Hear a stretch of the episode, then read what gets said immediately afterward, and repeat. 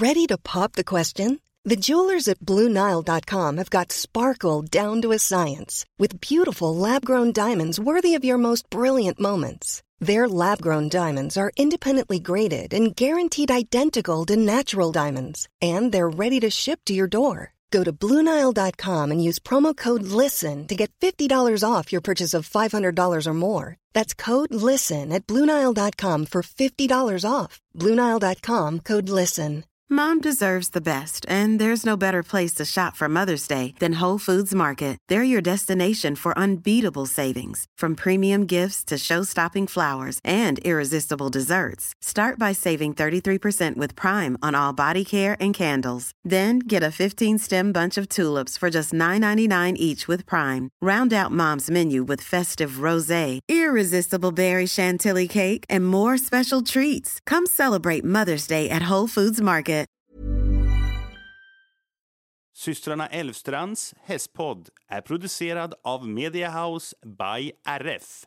Hej allihopa och hjärtligt välkomna till avsnitt 22 av systrarna Älvstrands hästpodd. Tja på er! Tja tja! Och idag så ska vi snacka om ännu ett ämne som har varit efterfrågat. Det är många ämnen som efterfrågas hela tiden. Ja, och jag tycker det är så roligt. Ni får jättegärna önska ämnen. För vi gillar ju att ha det lite ämnesbaserat i den här podden. Ja, jag tänker att man kan ju kanske inte ha det här konceptet hur länge som helst. För jag menar, det är, det är ganska så här snävt med att ha specifika ämnen. Men vi kan ju ha det så länge som vi känner att det funkar i alla fall. Ja men exakt och idag så ska vi ta och prata om att köpa egen häst. Och det är någonting som vi har erfarenhet av. Vi har ju inte så mycket erfarenhet av att sälja hästar. Nej, som vi, som vi nämnde i typ, ja, något av de senaste avsnitten att mm. vi har haft egen häst i 16 år och på den tiden sålt en häst. Mm. Ja, ni hör ju. Men eh, vi har desto mer erfarenhet av att köpa hästar så att eh, vi ska snacka om allt om det idag. Allt från hur det går till när man provrider och eh, vad man ska tänka på inför hästköp och ja, men hur man beter sig den första tiden med sin häst. Eller ja, hur vi gör såklart. Ja, förhoppningsvis har vi några tips att dela med oss av. Ja, men det får vi väl tro.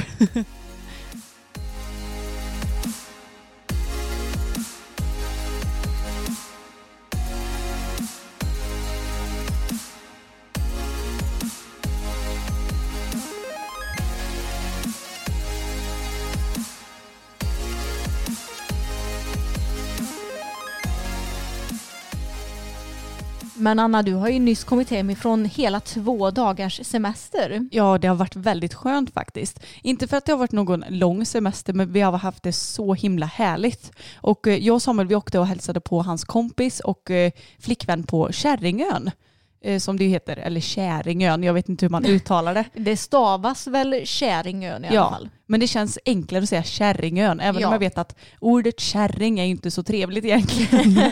men det var supermysigt där och eh, ja, men vi har ätit god mat. Det har inte varit något badväder för det har varit ganska blåsigt, men vi har promenerat på den lilla, lilla ön som man inte ens kan åka varken bil eller cykel på.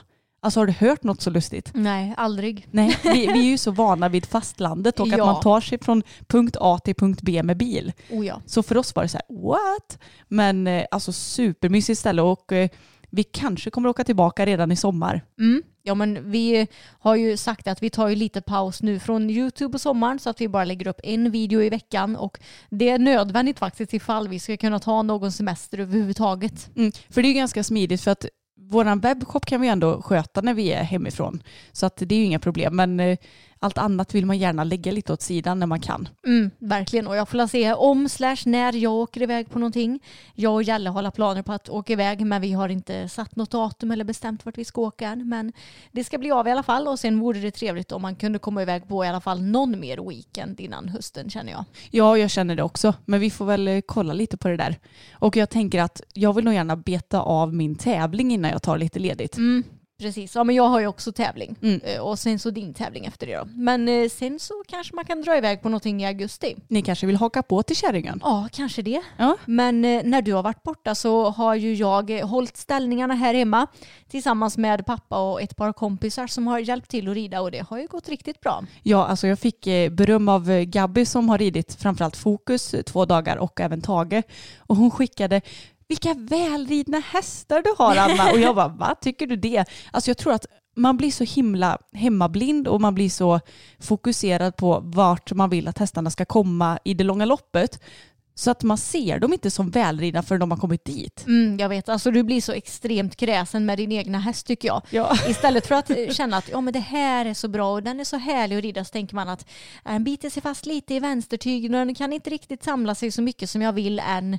Och sen så när någon kompis hoppar upp så får man ju verkligen den bekräftelsen att hästen faktiskt är kanske bättre än vad du själv tror. Ja, och det är så skönt. Och det är ju just av den anledningen jag tycker att det är så nyttigt att någon annan rider ens häst ibland. Mm, verkligen. Och Gabby hon är ju van vid att rida väldigt många olika sorters hästar också. Ja. Och det har hon ju även gjort det senaste. Så det är väldigt kul att höra att våra hästar är så välridna och fina. Ja, jättekul. Det tackar jag för Gabby om du hör det här. Och eh, pappa han har ju hjälpt till att rida ut. Mm. Idag så red vi också innan vi spelade in nu och då fick han rida fokus. Ja, han var väldigt nöjd med den uh, uteritten och han är så söt pappa för att han, man märker på honom när han blir så himla nöjd för då är hästen så himla underbar och Ja. får massa beröm. Och är han lite mindre nöjd, ja då kan han ju klaga lite på den.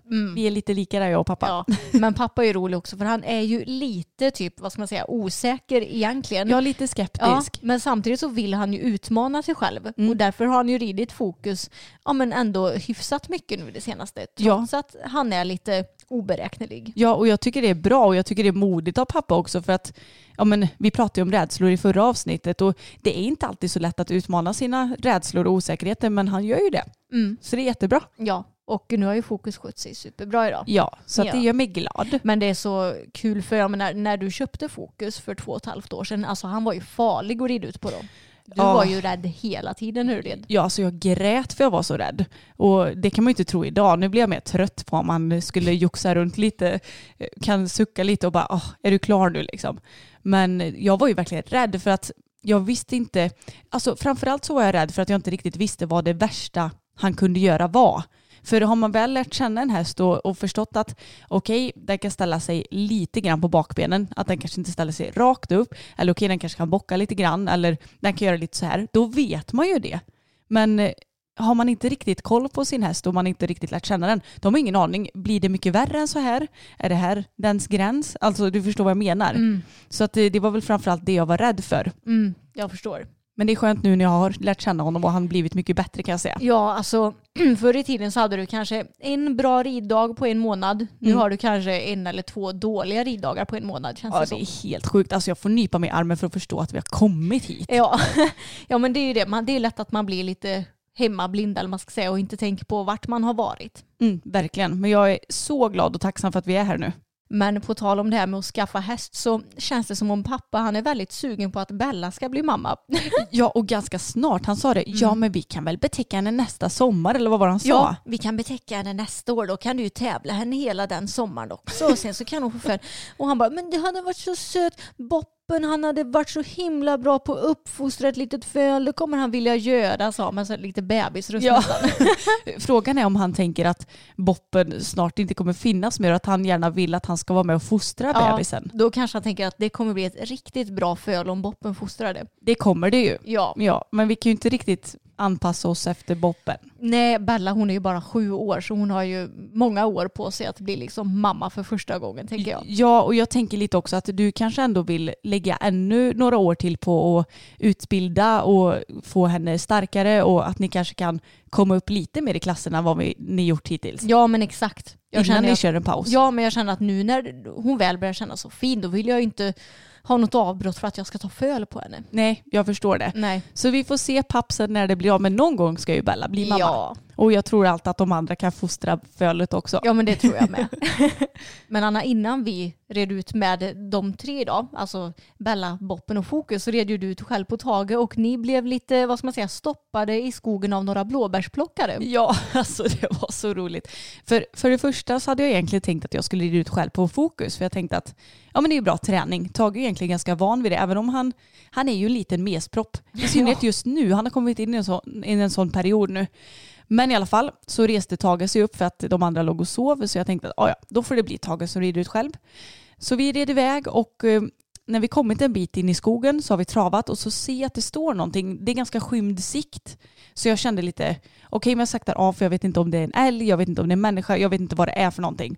Och så försökte jag böja mig under en gran för att se vad det var men jag såg inte riktigt. Så då ropade jag liksom, hallå? och då fick jag ett svar, hej hej tillbaka. Och då förstod jag att ah, ja, men då är det ju någon människa som är ute i skogen. Och Tage, han sträcker upp sin lilla hals så högt han bara kan, blir jätterädd för den här människan och bara åh gud, vad är det här för någonting? Slänger sig in i ett träd med mig på så jag blir lite blöt och jag bara men lugn killen. Alltså när det händer då sitter jag ju bara rakt upp och ner och försöker att liksom lugna ner honom. Och så vänder vi mot damen igen som det ju var. Mm. Och det var alltså tre stycken damer som bor här omkring som var ute och plockade blåbär. Och när han väl hade införstått, eller var införstådd med att det var tre damer som var ute och plockade blåbär, ja men då gick det ju bra. Men alltså han är ju en sån fjomp och jag tror att han bara, åh nu är det något vilt ute i skogen. Mm, en ko kanske som Ja. han är livrädd för. Och jag skäms ju lite över att han blir så rädd för människor för de blir så här, åh förlåt och förlåt. Jag bara, men gud ni har inte gjort någonting. Ni måste få gå ut och plocka blåbär i skogen. Ja. Så jag bara, men Tage. Men det var roligt för vi stannade och pratade lite också. Och eh, då sa de det att ja men vi följer er allt lite grann på YouTube. Så jag tyckte det var så gulligt. Ja, mina grannar de är, det är härliga damer som bor här omkring. Ja, och grannar ska vi ju säga, det är ju de som bor i husen kanske en kilometer inom diameter här. Ja men det räknas väl som grannar på landet Anna? Ja, men jag tänkte bara att vi skulle vara tydliga med det. Mm. Ja, men då ska vi gå in på ämnet om att köpa häst då. Och jag tänker att alltså det här avsnittet är väl kanske främst riktat mot de som aldrig har köpt häst tidigare. Men det kan ju vara flera stycken där ute som köpt någon enstaka häst och kanske vill ha lite mer, ja vad ska man säga, inte kött på benen men lite fler tips till nästa köp helt enkelt. Så att eh, jag tänker att vi ska gå igenom från början till slut, Mm. tänkte jag säga. Det låter bra. Och eh, vi har ju själva aldrig någon erfarenhet av eh, foderhäst eller medryttarhäst eller något sånt där. Så att det kan vi inte riktigt uttala oss om, även om vi tycker att det är ett väldigt bra alternativ om man inte har möjlighet att köpa häst. Men eh, det, vi kan ju inte säga så mycket om det. Nej, Men den första punkten som jag tänker på det är planering inför ett hästköp. Och det är ganska mycket man har att tänka igenom innan man går och köper sig sin drömhäst. Vad är det första som poppar upp i din skalle Emma? Ekonomi. Ja, gud det allra tråkigaste börjar vi med. Ja, verkligen. Men man måste ju sätta en budget och då får man ju tänka på att man inte bara ska sätta en budget på vad själva hästen kommer kosta utan även vad stallhyran kommer kosta i månaden, det är hovslagare, det är eventuellt veterinär vid behov, om inte annat så ska ju hästen vaccineras.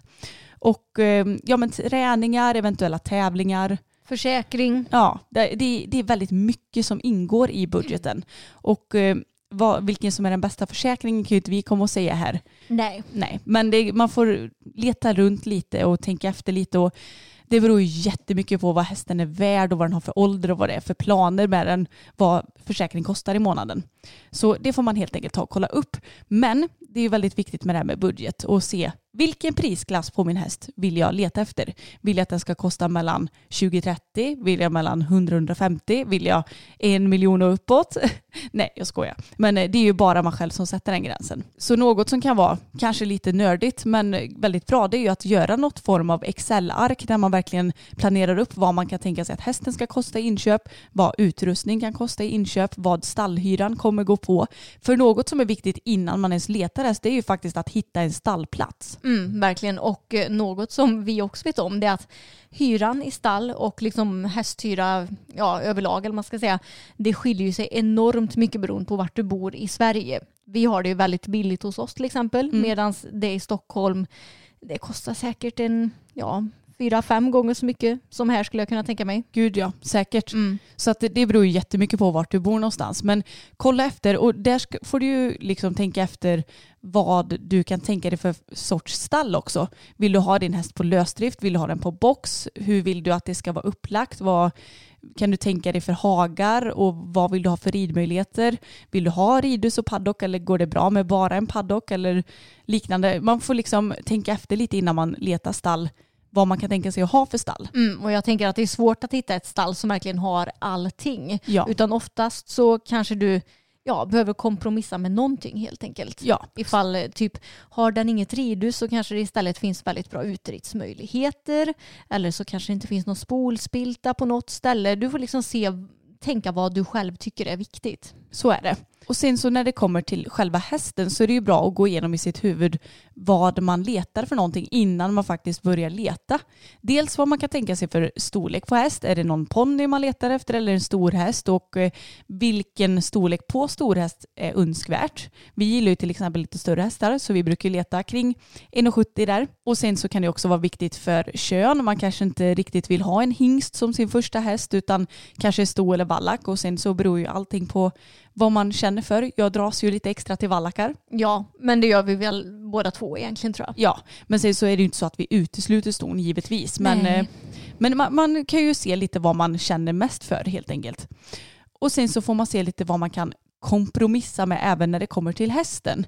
För det är ju så att eh, ja men hästar de är inte skadefria alltid. Det finns ju hästar som kan ha lite vad ska man säga, felaktigheter på röntgen eller de kanske har någon gammal skada som ägaren berättar om och som man kanske ändå kan känna att ja, ja, men den har det, men jag vet om det och det kommer troligtvis inte bli något problem i framtiden. Eller så kanske man vill ha en som är helt ren på alla röntgenplåtar och allt sånt. Man får tänka efter lite vad man är ute efter. Mm, och ta hjälp av någon veterinär du litar på tycker jag också. Verkligen. Ifall du är intresserad av någon häst som kanske ja, men har någon sorts röntgenförändring eller någon gammal skada. Ta hjälp av en kunnig veterinär som kan liksom hjälpa dig att konstatera ifall det här kanske kommer bli ett problem i framtiden eller antagligen inte. Mm. Och sen är det också såklart viktigt att eh, välja någon form av utbildningsnivå på hästen också. Och där är det jätteviktigt att tänka på också att ju mer utbildad den är, självklart desto dyrare är den ju också. Men eh, det viktigaste med en häst är ju kanske att den ändå ja, men är snäll och är ja, men okej i huvudet såklart. Men att man ändå har lite koll på, ja, men vill jag att den ändå ska ha hoppat några banor på tävling eller vill jag att den ska ha gått 1,30 eller vad, vad vill jag ha för häst? Och sen också att man har koll på ungefär vilken ålder man tänker sig på sin häst som man ska köpa. En yngre häst är ju oftast dyrare än en äldre häst. Och eh, ifall du är ute efter en häst som är lite mer välutbildad men samtidigt inte har någon jättestor budget så skulle vi tipsa om att köpa en häst som kanske är lite äldre. För jag menar, det vet ju vi nu med både Boppen och Tage, att hästar behöver inte bli gamla så snabbt. Om man tränar dem på rätt sätt och har en bra hästhållning, då kan de hålla länge. Och då kanske det är värt att liksom lägga de pengarna på en häst som du kan ha kul med redan från början. Speciellt ifall du är lite mindre erfaren. Som typ med Boppen. Han var ju egentligen lite äldre än vad vi hade tänkt oss när vi skulle köpa ny häst. Men det var ju värt de pengarna alla dagar i veckan för vi har ju haft så kul med honom. Gud ja, och han var 13 år gammal när vi köpte honom och hade ju gått ungefär 1,30. Så han var världens bästa läromästare för oss och eh, alltså, ja, jag är så tacksam över allt vi har lärt oss på honom. Så det är helt klart ett hett tips. Emma, innan vi går in på provridningar och sånt, vart hittar man hästar till salu bäst tycker du? Alltså det finns ju många hästar till salu på Hästnet till exempel. Det är väl den appen eller hemsidan som vi har använt oss av i alla år nästan. Ja, Och det är lätt att söka där för att hitta vad du vill ha. Det kommer ut många nya hästar hela tiden så det kan vi ju varmt rekommendera. Men det finns såklart också andra försäljningssidor som också är bra. Har du något speciellt tips där? Ja, nu vet jag inte hur jättemycket hästar det finns på Blocket, men Blocket är ju en sån sida som det brukar, det finns säkert lite hästar där i alla fall. Men sen så finns ju också Facebook faktiskt. Där läggs ju många, det finns ju många olika grupper. Så då kan man ju säkert leta upp någon, antingen dressyrhästar till salu eller hopphästar till salu eller vad man än vill ha för inriktning på häst. Mm. Har inte Hipson någon försäljningssida också? Jo, Hipson Market Mm. tror jag det heter. Ja. Mm. Så det är också ett tips. Ja, och ett tips till det är att man lägger ut en hästköpesannons på till exempel Hästnet. För det gjorde vi med Boppen Och Tage. och Tage. Ja.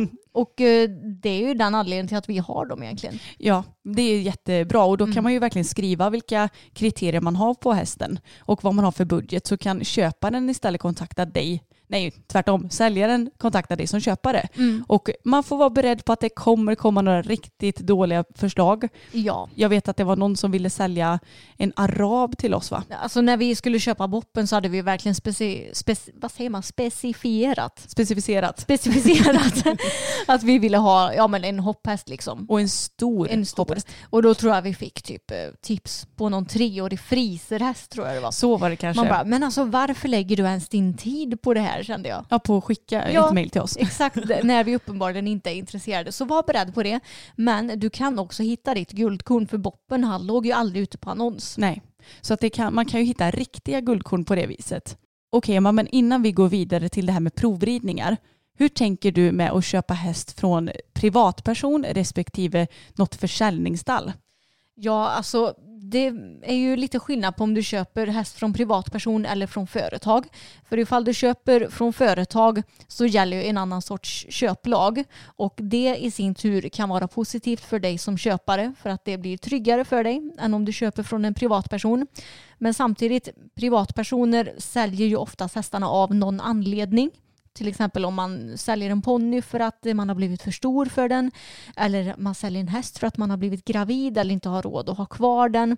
Och det känns på något vis inte lika shady som att köpa ifrån vissa försäljningsstall som bara gör det för att de vill liksom tjäna pengar på hästarna. Förstår Mm. du vad jag menar? Ja, verkligen. Och på tal om försäljningsstall, alltså det får man ju verkligen kolla noga innan om det är så att man hittar någon häst från ett försäljningsstall. Så att det verkligen var, verkar vara ett rent företag som verkar OK med eh, sina hästar som inte döljer en massa grejer. Och Mm. det brukar man ju kanske hitta ganska snabbt, en Ja. googling bort. Precis. Det finns ju många jättebra försäljningsstall men Gud, ja. det finns ju också vissa försäljningsstall som inte har de bästa ryktena och som jag aldrig skulle köpa av. Och sen så finns det ju också många uppfödare som säljer hästar direkt och det kanske egentligen typ är det allra bästa för då har du koll på hästens historia redan från början. Jag köpte ju Bella direkt från hennes uppfödare och det kändes otroligt tryggt för att jag har koll på hela Bellas historik och Bellas uppfödare hon bryr sig verkligen om Bella, vart hon hamnar och jag menar vi har ju haft kontakt nu än idag till exempel. Mm. Så nej, men då- jag vet om att jag köper en häst som har haft det bra helt enkelt. Ja. Och som är svenskfödd och sådär. Det, jag tycker att det är positivt. Men när man väl har börjat leta efter hästar då och kanske har hittat några som man känner sig intresserade av och det står ju för övrigt alltid i annonserna om man vill ha mailkontakt eller om man vill ha telefonkontakt om de ska sms eller ringa och sånt så Mm. det, det får man ju se där. Men eh, om man väl bokar in provridningar då, vad tycker du är viktigt att tänka på där? Och jag tror att det är väldigt olika från person till person. Vissa vill ju gärna vara med och göra i ordning hästen innan medan andra inte tycker att det är så viktigt. Personligen så tycker jag att det kan vara trevligt för att då får du vara med i hanteringen. Du får verkligen så här känna och klämma igenom hästen, se hur den beter sig i stallet, se hur den beter sig när du sadlar och tränsar. För det kan ju säga ganska mycket om en häst tycker jag. Det kan det absolut och jag kan tycka att i synnerhet om man letar häst till typ ridskola och sånt där man kanske inte riktigt lägger samma tid. För som för min del, om jag skulle åka och provrida en häst och inser att oj den här var lite jobbig typ när man ska sko, då kan jag ju ändå lägga den tiden på att mm, ja, men hjälpa hästen att bli bättre. Men eh, det är ändå viktigt om man känner att man inte riktigt har den här tiden att man kollar, lyfter på hovarna och kanske knackar lite på skon och ser hur hästen reagerar. För jag vet att där kan många hästar flippa ur lite. Mm. Och eh, det är också väldigt positivt att klämma och känna igenom den här hästen. Men å andra sidan kan man ju lika väl göra det om man kommer tillbaka på en andra provridning om man känner att det här är hästen för mig men jag vill se hur den är även i hanteringen. Mm, precis, och jag kom på en grej nu också. Mm. Att boka inte in någon provridning om du vet med dig att du inte har budgeten för den hästen eller om du tror att det inte är någon häst för dig. För tänk på att jag tycker att det är ganska respektlöst mot hästägaren och även mot hästen att den ska få hålla på liksom, ja, men användas som något sorts eh, nöjesdjur eller vad man ska säga. Ja, vi känner ju en person som håller på med lite hästförsäljning. Mm. Det kanske hade varit kul att bjuda in henne någon gång i podden Ja, men jag övrigt. tänkte faktiskt. Ja, Mm. eh, men eh, jag vet att hon har varit så uppgiven många gånger när folk antingen inte dyker upp på provridningar och de provrider och sen så säger de att ja men jag kan betala 20 000 för den här som kostar kanske 50 000 och Mm. Alltså beter sig som skit. Så tänk på att alltså, säljaren är en person som såklart vill ha sålt sin häst. Antingen för att den behöver pengarna, antingen för att eh, ja, men den jobbar med det eller vad det än må vara. Behandla den med respekt liksom. Mm, verkligen. Och hästen såklart. Ja, exakt. Och sen så är det ju ganska olika. Vissa eh, säljare, de rider ju på hästarna själva eller har någon annan som gör det för att liksom visa upp dem lite först. Och eh, det kan jag egentligen tycka är lite överflödigt om du har fått se en film på hästen innan.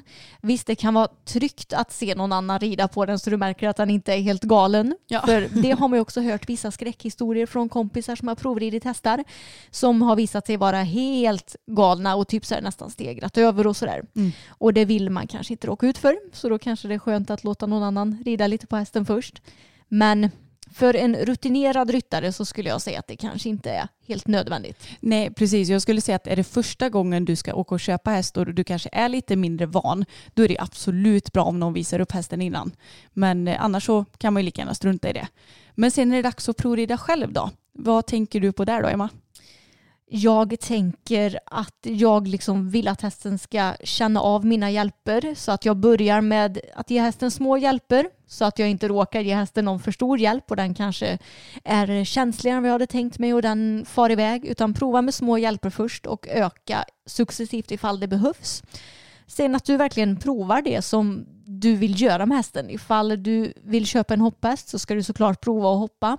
Och ifall det står att hästen har tävlat 1,10 ja men då behöver du liksom inte bara hoppa 50 centimeter med den utan då kanske du ändå vill känna på någon sorts höjd så du känner att det känns bra för dig. Mm. Och i dressyr, ifall du köper en häst som sägs vara utbildad lätt av, ja men då prova skänkelvikningar, prova förvänd galopp, prova ryggningar för att se liksom så att den kan det eller att den förstår dina hjälper. Och alltså det här med att provrida häst, det är inte så lätt. För att man kan gärna bli lite spänd. Man ska hitta sin nya stjärna och man är väldigt exalterad över det såklart. Och så är man väl medveten om att ägaren står på marken. Man känner sig gärna lite bedömd. Mm. Det kan jag ju tala för själv. Ja. Det var inte så länge sedan jag var och provridde hästar. Nej. Det var ju ja, innan jag köpte fokus. Ja, precis.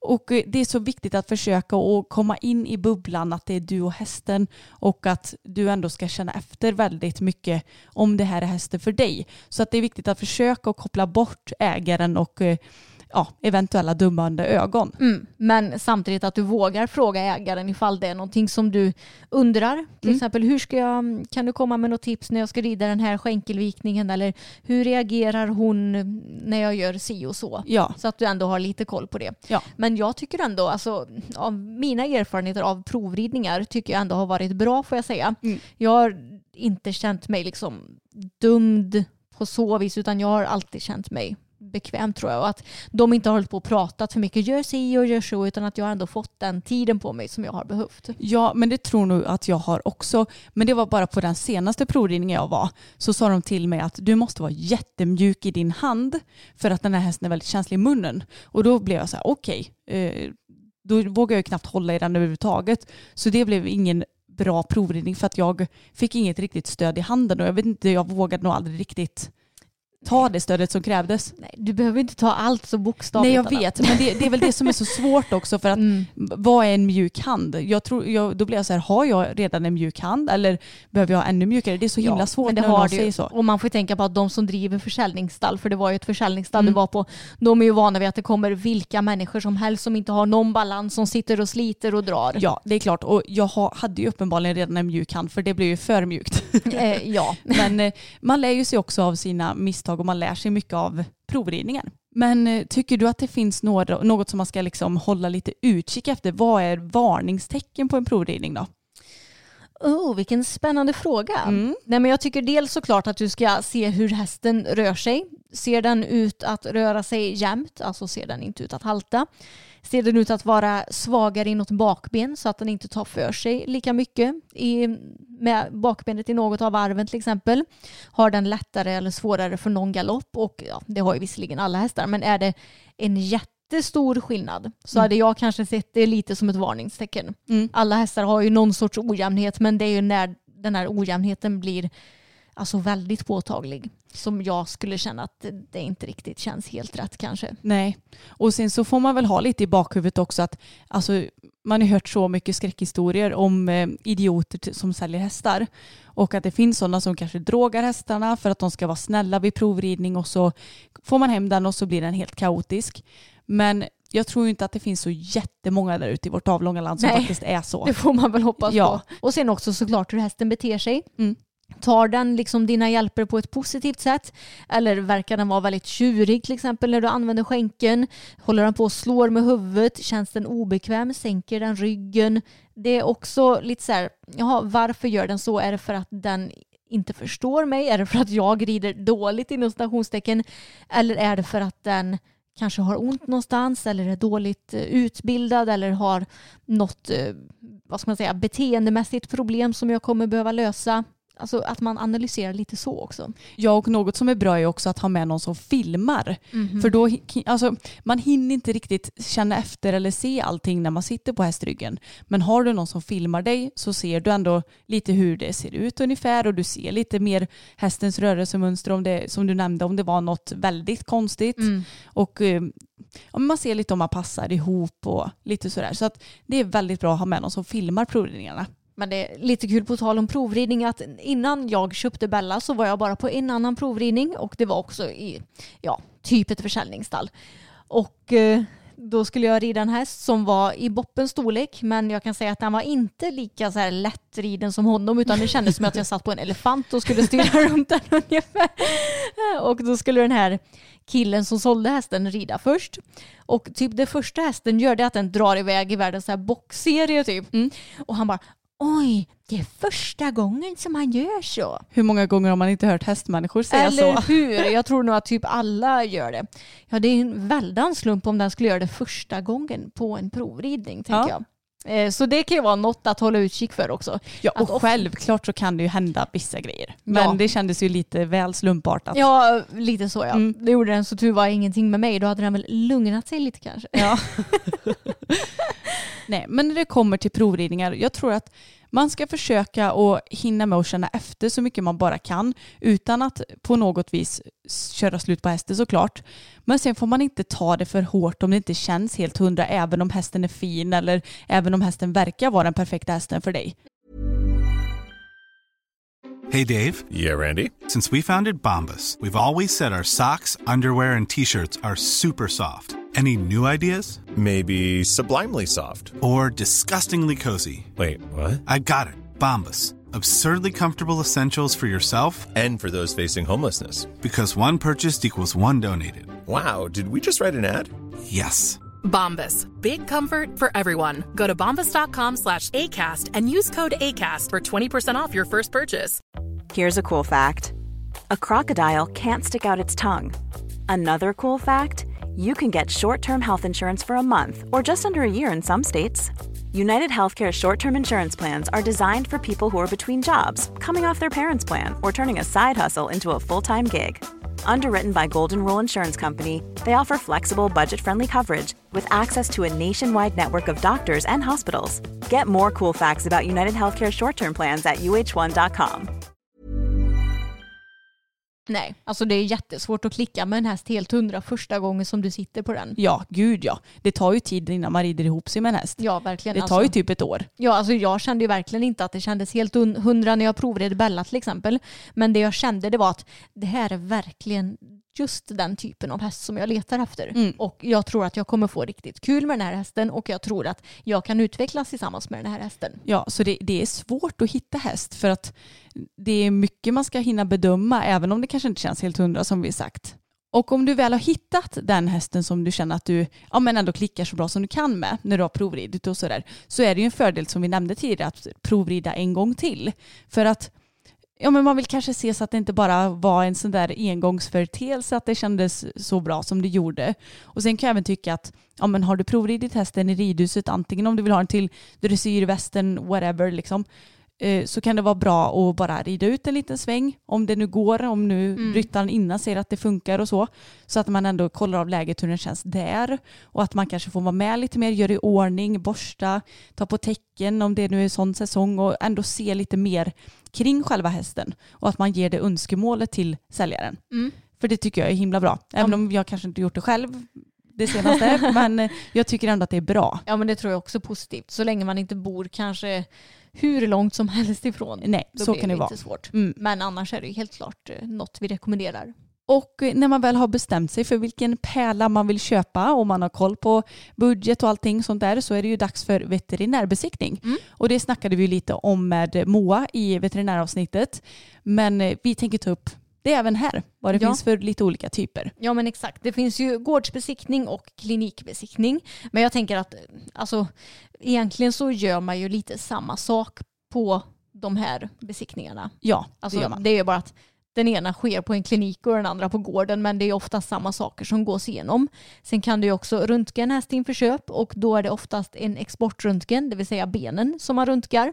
Men man kan även röntga liksom, ja, men, rygg och hals och nacke och sådär också. Ja, man, man kan röntga typ hela hästen ja, om man vill. exakt. Men det är också en kostnadsfråga så att eh, det är någonting som är bra att kolla upp ja, men lite innan man köper en häst vilken besiktning du kanske vill sikta på. Nu vet inte jag vad en liksom, besiktning med massa röntgenplåtar kostar men jag vet att när jag eh, gjorde exportröntgen på Fokus så tror jag att det kostade en 5 000 eller något sånt där. Ja men det gjorde det. Ja, så att man Mm. får ändå ha ett litet hum om vad det kostar när vi pratade om budget där i början. Mm. Och eh, sen så vill ju olika försäkringsbolag ha olika sorters röntgen beroende på hur dyr hästen är. Mm. Det, det är nog säkert väldigt olika. Så att man kollar upp det innan så att du verkligen får gjort allting så att det blir rätt med alla försäkringar och sen Ja, när du ska köpa hästen. precis så du får lov att försäkra din häst. Ja exakt. För det är viktigt att göra från första dag kan jag säga. Ja, det är det verkligen. Men en sak som jag tänker på det är ju att det kanske inte spelar så stor roll ifall du besiktigar din häst på gård eller på klinik men att du själv ska ha möjlighet att välja veterinär.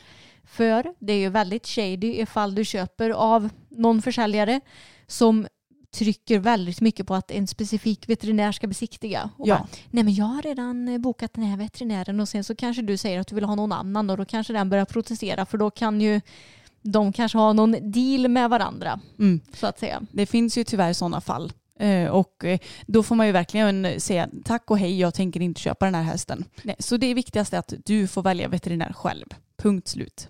Men nu säger vi att hästen lyckligtvis har gått igenom besiktning och du har fått hem din häst. Men innan du får hem din häst så krävs det ju att man kanske köper lite grejer om man inte redan har det hemma. Så vi tänkte helt enkelt gå igenom lite vad som är viktigt att köpa inför ett köp och vad du bör undvika att köpa innan hästen väl har landat i stallet. Ja, alltså det första som du ska undvika att köpa, Vad ska vi börja med det? ja det, det är nästan lättast tror jag. Ja. Det är ju sadel. Ja, för en häst behöver ju ändå en utprovad sadel och det är jättetråkigt att inte kunna rida på sin häst ja, men när man väl fått hem den för man vill ju gärna upp och rida direkt. Men det är bra att boka in en sadelutprovningstid så snart man kan så att man ändå kan få en utprovad sadel till hästen. Mm. Och då också typ sadeljord. Mm. För att eh, det finns många olika typer av sadlar som är, ja, men antingen har lite kortare stroppar eller så har de lite längre stroppar. Så det går inte att säga att Bella, hon har storlek 145 alltid. Nej. Utan det beror ju helt på vilken sadel hon har på sig. Mm. Och jag skulle säga att det är egentligen onödigt att köpa ja, men varken sa eller magplatta eller sadeljord eller träns innan för du vet ju inte heller vilken färg sadeln kommer ha. Nej. Alltså jag gjorde ju det misstaget med Bella att jag köpte, det var väl både magplatta och träns va? Jajamensan. Innan jag köpte sadel och sen när jag väl provade sadel, jag hade ju tänkt att hon skulle ha svart sadel. Så kom jag och bara, nej det är bara den här bruna sadeln som passar, jag bara, eller som passade oss båda då. Mm. Och jag bara, ah, okej då. Nej men då får det väl bli den här bruna sadeln och så har jag köpt de här grejerna i onödan. så då fick jag köpa brun magplatta och brunt träns istället. Så det är ju dagens tips, vänta lite med att köpa det. Du kan ju bara köpa något skitträns eller vad man ska säga om du vill ha hemma för att kunna typ, eh, ja men jag vet inte, longera eller ifall du hittar någon sadel som du kan låna i stallet. Ja. Men köp inget liksom dyrt förrän du har köpt sadel så du vet vilken färg det är på lädret skulle jag säga. Nej precis, om du nu vill köpa dyrt överhuvudtaget. Nej men det är väldigt bra och det är väl egentligen det som man ska undvika att köpa tänker jag. Ja. För resten går ju att köpa när man vill. Men något som är viktigt är ju att eh, ha en ordentlig grimma. För att eh, man vet ju inte riktigt när hästen lämnas ifrån en vad man får med sig för grimma om man ens får med sig någon grimma. Så något som kan vara bra är att ha med sig en lädergrimma så att man kan transportera hästen på ett säkert sätt. För lädergrimma går ju sönder i transporten om den skulle fastna på något sätt. Och sen så kanske en vanlig, inte vet jag, nylongrimma som man kan ha i hagen och så. Mm. Och sen så också några sorters skydd som du kan ha om du transporterar hästen. Mm. Antingen transportskydd eller så funkar det ju med vanliga benskydd också. Så det kan ju vara trevligt att ha. Kanske boots om det behövs med. Ja, det kan jag också rekommendera att kolla med föregående ägare vad hästen trivs att transporteras i. För vi gjorde ju lite det misstaget när vi köpte Abbe, vår häst som vi tyvärr fick ta bort för, ja det är snart fyra år sedan. Ja. Ehm, och då hade vi med oss sådana här ja, men vanliga transportskydd som är höga i bak. Och eh, tog på honom det och så först så såg han så himla spänd ut och jag tänkte bara men herregud vad gör han? Vi är så vana att hästarna bara kan gå med transportskydd. Ja. Och sen så rätt vad det var så bara han springer ut ur stallet, mejar ner en parkbänk som stod utanför stallet och gjorde sönder den. Och hade ju lika gärna kunnat skada sig de första fem minuterna som vi ägde hästen. Liksom. Men då hade det inte varit vi som uh, fått ta hand om det utan då hade det varit hans uh, Förra ägare, För det är ju när hästen, är det när han sätter första hoven på transporten? Ja det är nog kanske något Ja, sånt. det är något konstigt. Men hur som helst så är det ju väldigt onödigt. Så kolla gärna med föregående ägare vilken, eller vilka sorts skydd som hästen trivs med. Och något som man också kan kolla med föregående ägare är ju gärna vad hästen har gått med för bett. Mm. Och det är ju sådär att självklart ska du känna efter vilket bett som är bäst. Men om föregående ägare har ridit på, ja men säg ett tredelat vanligt, då vet du ändå att den funkar på enkla bett. Säger den att ja, men den funkar bara på pelhambett, då vet du att den kanske är lite starkare och kanske att du behöver något lite skarpare i början för att vänja in eller vad du nu vill Mm. göra. Och även lite vad för storlek den har i bett. Ja, precis. Det är väldigt bra att kolla upp också. Mm. Men vad är det mer som behövs? Ja, du, schabrak, det, det behöver du inte förrän du har en sadel tänkte jag säga. Men det kan man ju köpa redan från början. Ja, för man vet ju vilken storlek på häst man köper. Mm. Och eh, man kan ju även köpa in sig lite tecken Mm. som man kan behöva. Och eh, då är det också bra, det kan man också kika med föregående ägare vad den har Mm. för täckestorlek.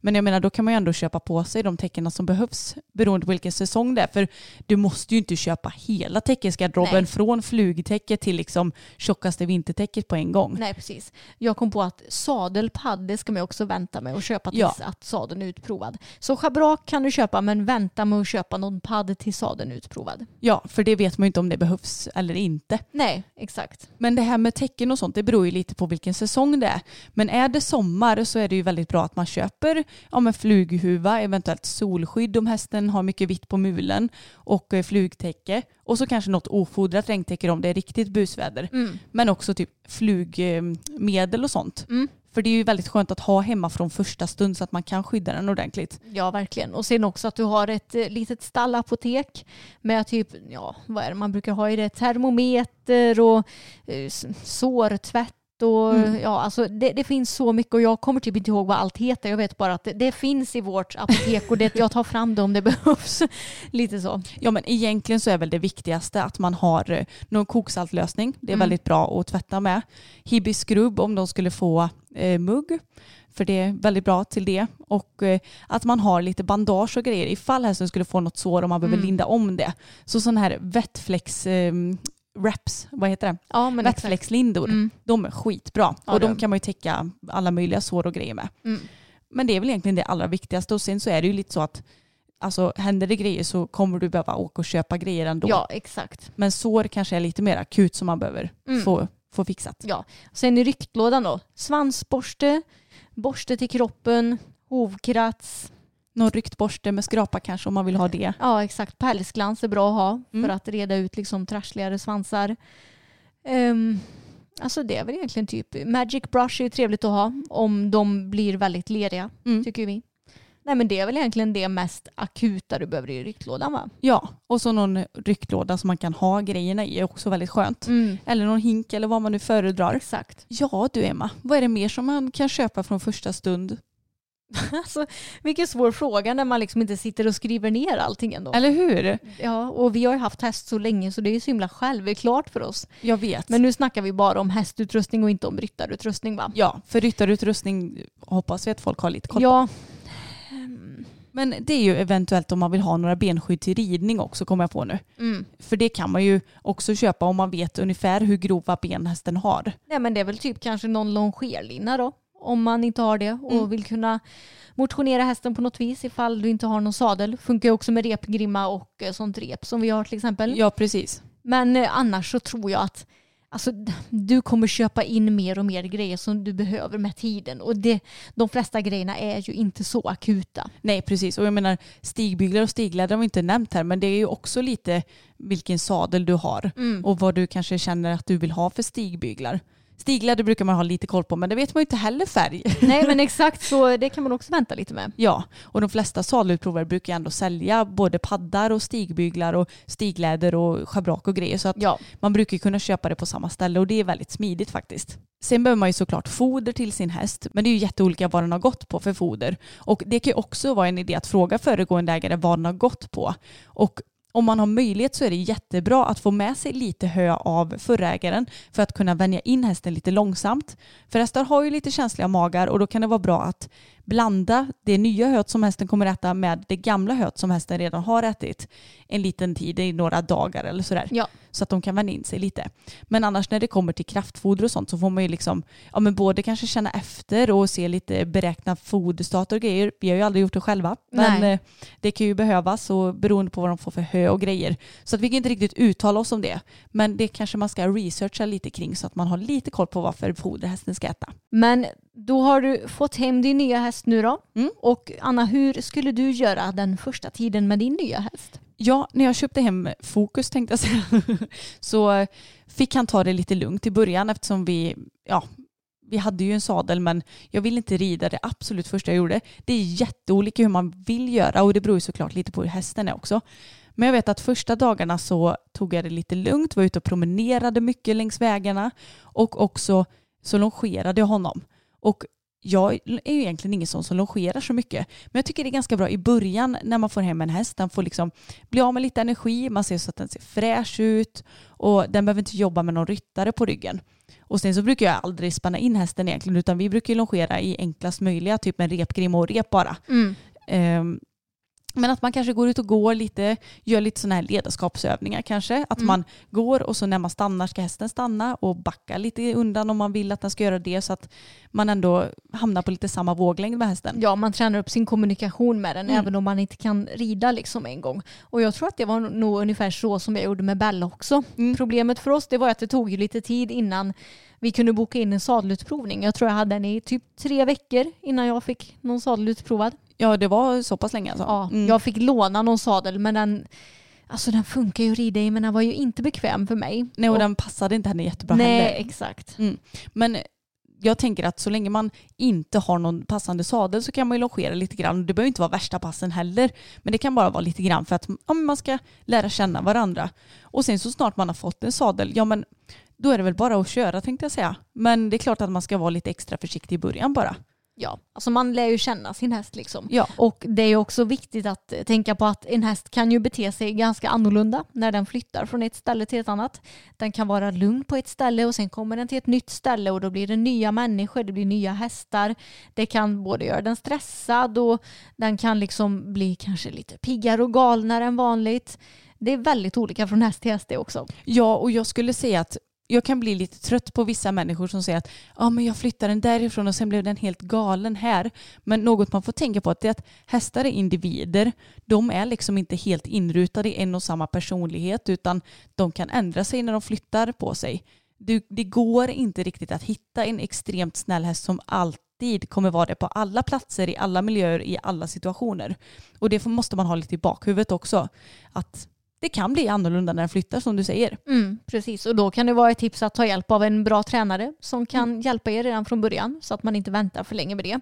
Och gärna då kanske en mentaltränare så som vi har tagit hjälp med av Anna till exempel. Verkligen. Men också någon duktig eh, ja, ridtränare ifall det är det du vill träna på. Ja, och jag skulle säga att om du har ridit hästen i ett par veckor hemma, att du kan ut och träna nästan på en gång. Ja, För eh, du, du ska ju ändå rida hästen och då är det väl jätteskönt att ha hjälp redan från början. För en tränare vill ju ändå kanske följa hela resan. Men de första dygnen, eller det första dygnet i alla fall, så kanske inte hästen kommer att bara direkt släppas ut i hagen med de andra hästarna. Nej. Utan det blir ju en ny flock och de behöver kanske vänja sig lite vid varandra successivt. Så här hos oss så brukar vi alltid släppa nya hästar ja, men i hagen bredvid i någon dag först så att de får liksom nosa lite på varandra, lära känna varandra, vad ska man säga, över staketet. Mm. Och sen när de har gjort det då har de redan hunnit göra upp lite rangordning innan man släpper över hästarna för då minskar man ju på skaderisken. Och man får vara beredd på att det kan bli lite spring i början men Hästar är ju liksom inga porslinsdockor. De går liksom inte sönder med en gång. Så även om det blir lite spring och sådär så brukar de allra flesta hästar klara sig utan att skada sig. Men hagarna måste ju vara tillräckligt stora så att alla kan komma undan ifall det skulle vara någon som blir lite, vad ska man säga, trängd. Ja men verkligen och det är verkligen det absolut viktigaste att är hagen tillräckligt stor så hinner hästarna komma undan. De blir inte trängda i något hörn där någon kan ställa sig och attacksparka eller liknande. Så att bara de får en stor hage de kan springa runt i så gör de upp rangordning ganska snabbt och det blir rätt lugnt. Alltså de senaste åren när vi har släppt ihop hästar det har varit löjligt lugnt. Ja, alltså extremt lugnt. Och det är jätteskönt och det Ja. är väl antagligen för att de får yta på sig. Mm, ja men jag tror det. Det är mycket lugnare här än vad det har varit tidigare när vi har släppt ihop hästar med till exempel Boppen. Han är ju högst i rang. En väldigt dominant häst så han har kunnat verkligen så här jaga andra hästar när vi har släppt ihop dem förut. Ja verkligen. Mm. Men det gör han ju inte alls på samma nej, vis nej, längre. det gör han inte. Det kanske i och för sig beror på att han har blivit lite lugnare med åldern Ja, också. kanske, men ändå. Våra hagar är ju så stora så att eh, ifall Boppen skulle känna att någon häst är lite liksom för påträngande då kanske han jagar iväg den. Men då vet ju den hästen att om jag går hit så behöver inte han bli provocerad av mig. Ja, precis. Och sen är det viktigt i början att man har lite övervakning över hästarna så att man ser att det inte blir några konstigheter och att man gärna har lite koll om man nu låter dem nosa över staketen så att man ser till så de inte fastnar någonstans eller så. Så att man har ett extra öga i början men sen så ska det väl gå bra. Ja, håller koll på att hästen äter och dricker Mm. som den ska göra och sådär. Men det, ja, för vår del så har det inte varit några konstigheter med det här Nej. någon gång faktiskt. Nej. Och eh, också viktigt att tänka på att i ditt fall med fokus till exempel så var ju han snäll de typ två första veckorna och sen brakade ju helvetet loss så att säga. Ja. Och eh, det berodde inte på att det var något fysiskt fel på honom utan det var ju att hans sanna personlighet kom fram efter den tiden när han inte längre var i ett eh, tillstånd av inlärd hjälplöshet. Precis och eh, det var ju såklart en jättechock för mig. Men jag lärde mig att hantera det till slut och det har ju blivit väldigt bra. Men man får ha lite Alltså man får ha lite is i magen och man får förstå att hästar är hästar och inte några maskiner som man kan liksom plugga in och bara köra på liksom. Ja men då har vi gått igenom lite olika punkter på vad man ska tänka på och sådär och jag tror att vi har fått med det mesta men ibland så är det lite svårt. Nu när vi har haft hästar så himla länge så känns det som att vi kanske kan ha missat något. Ja men vissa grejer blir ju så himla självklara för oss att vi tänker ju kanske inte så himla mycket på Nej. det. Men nu har ni fått reda på lite av våra tips i alla fall när det kommer till att leta och köpa häst och också ni som redan har det kanske också känner igen er i det som vi har pratat om. Mm, absolut. Och något som vi ofta får frågor om det är hur gammal man ska vara när man skaffar sin första häst och hur länge man ska ha ridit. Men det kan ju inte vi svara på. Nej, alltså det är ju jätte, jätte individuellt. Vi hade ju bara ridit i ett och ett halvt år va? Innan Ja. vi köpte vår första häst. Men då hade vi hästkunnig pappa, stod uppstallade på en ridskola med kunniga människor. Så det, alltså allting beror ju på vilka förutsättningar du har. Och det, är liksom, det går inte heller att ha en mall över att det här och det här och det här ska du kunna när du köper häst. Nej. Alltså det, det går ju inte. Nej, och sen tycker jag det är jättelöjligt för förr i tiden så sa man väl att man ska ha ridit i tio år innan man skaffar sin första häst. Men snälla, det behöver man inte ha gjort. Men däremot så beror det ju på vilka människor du har runt omkring. För vår del passade det ju jättebra att skaffa häst för att vi hade folk på ridskolan när vår häst blev skadad till exempel. Så kunde vi fråga dem om saker Ja, som inte vi hade koll på. Nej, så länge du har tillräcklig kunskap för att kunna ta hand om din häst på ett bra sätt, förstå hästens liksom, ja, men rutiner, förstå hästens behov till exempel, så går det inte att säga att du ska ha ridit si och så länge. Nej. Och jag menar, vi alla blir ju bättre på att rida hela tiden. Bara för att du kanske är lite mindre tekniskt ridkunnig så betyder ju inte det att hästen mår sämre. Nej, exakt. Vi alla har ju varit nybörjare någon gång dessutom. Ja, exakt. Men nu till lite veckans snackis som har med hästköp att göra. Så fick vi ett mejl som jag tyckte var väldigt intressant som jag tänker att du och jag ska diskutera lite Anna. Hej tjejer! Min fråga är, jag har nyligen köpt min allra första häst efter att ha hållit på med hästar i cirka 17 år.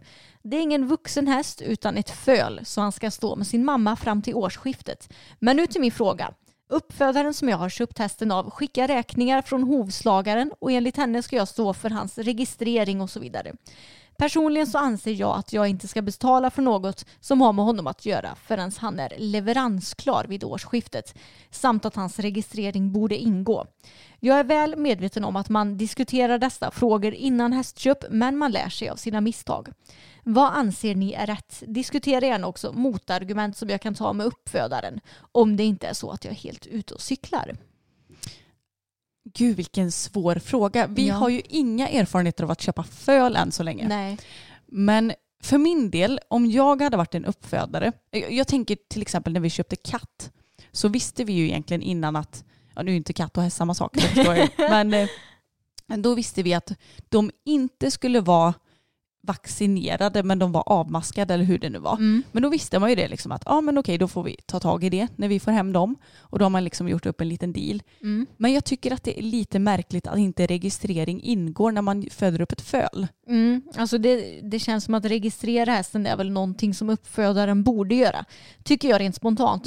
Utan att ha någon erfarenhet inom det här. För som sagt vi har aldrig köpt något föl och jag vet inte hur de här dealerna brukar se ut. Nej. Det kan säkert vara olika såklart. Och eh, som den här personen skriver så ska man ju diskutera det här innan köp men det är ju väldigt lätt att glömma bort det och i synnerhet när det är ens allra första köp då kan man ju inte veta det och Nej. sen så blir man ju lätt jag vet hur jag själv är, man blir lätt lite naiv och liksom litar på eh, andra människor eller vad man ska säga. Ja man kan bli lite blåögd liksom. Ja exakt. Men jag kan tycka att det är kanske inte helt konstigt om hon nu äger hästen nu så kanske inte helt konstigt att man ändå betalar hovslagaravgift och jag kan tänka mig att på ett föl så lär ju inte det vara sådär jättemycket heller. Mm. Men jag tycker som sagt att det känns som att fölet borde ju vara leveransklart och då borde ju uppfödaren stå för den avgiften som nu den här registreringen kräver. Mm.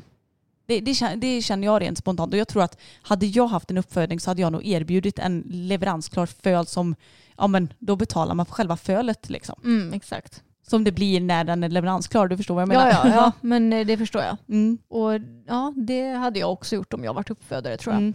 Men jag förstår ju båda parterna i det här. Gud, ja. Jag förstår att uppfödaren tycker att den här personen ska betala även för hovslagare eftersom det är den personen som äger fölet. Men jag förstår också köparen.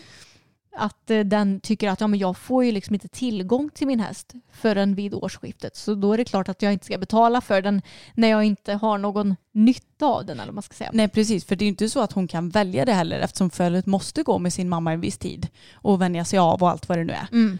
Ja, men jag vet inte riktigt vad man ska komma med för argument här. Nej, alltså.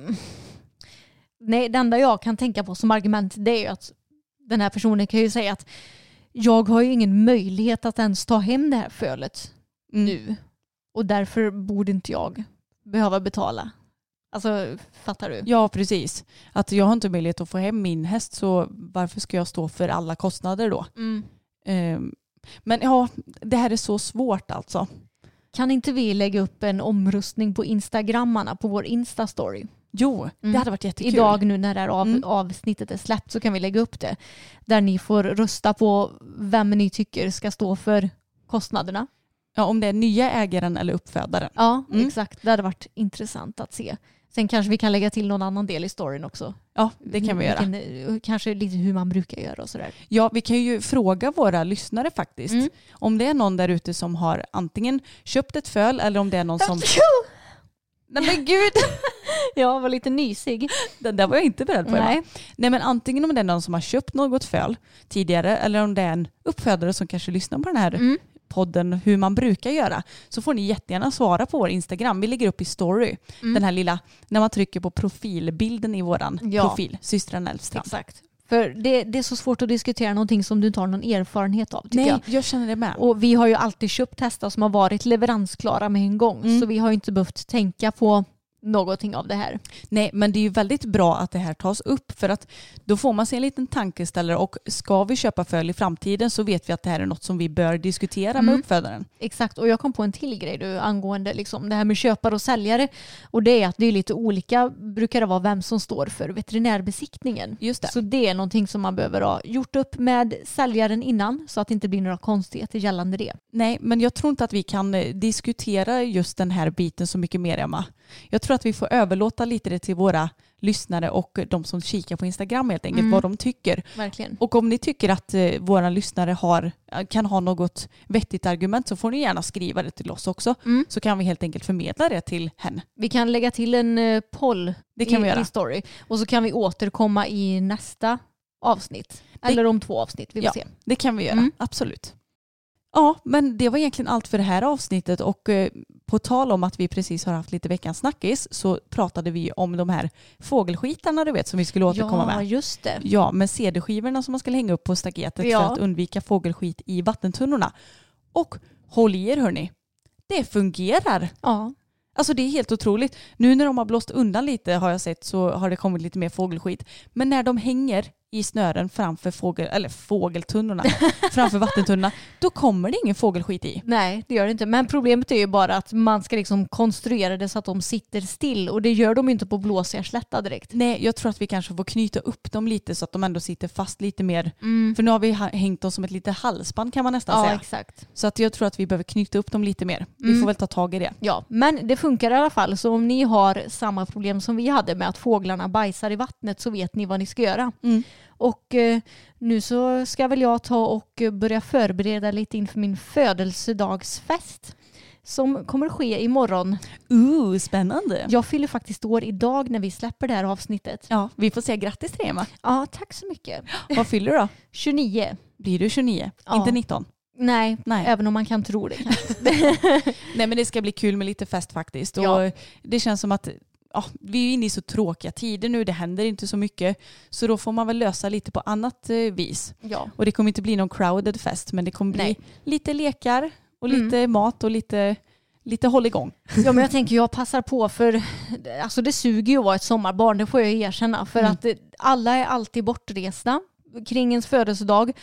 Alltså jag tror inte att jag har fått någon födelsedagspresent från någon annan än ja, men du, dig, mamma och pappa på ja, evigheter känns det som. Mm, det Men- låter jättedeppigt. Ja men det är ju så, alla andra har kalas och då kommer det folk och man kan ha födelsedagsfester och alltså jag vet inte hur många gånger som jag har köpt present till mina kompisar men sen så har inte jag fått någon present när jag har fyllt år. Nej.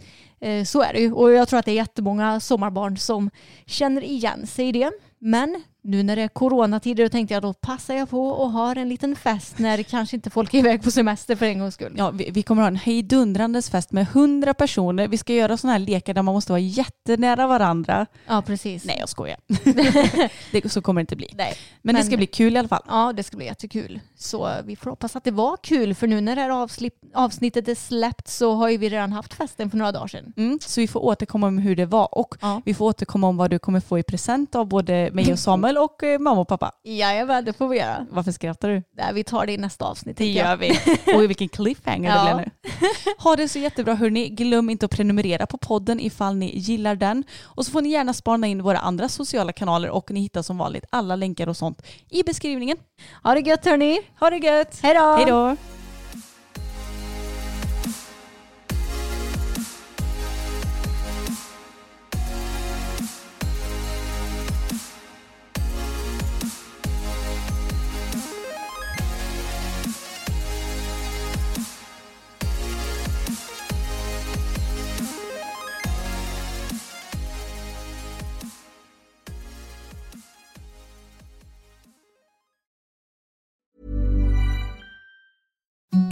The softest sheets you've ever felt. Now imagine them getting even softer over time. That's what you'll feel with Bowl and Branch's organic cotton sheets. In a recent customer survey, 96% replied that Bowl and Branch sheets get softer with every wash. Start getting your best night's sleep in these sheets that get softer and softer for years to come. Try their sheets with a 30-night guarantee. Plus, get 15% off your first order at bowlandbranch.com. Code BUTTERY. Exclusions apply. See site for details.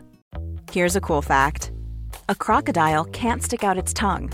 Another cool fact you can get short term health insurance for a month or just under a year in some states. United Healthcare short term insurance plans are designed for people who are between jobs, coming off their parents' plan, or turning a side hustle into a full time gig. Underwritten by Golden Rule Insurance Company, they offer flexible, budget friendly coverage with access to a nationwide network of doctors and hospitals. Get more cool facts about United Healthcare short term plans at uh1.com.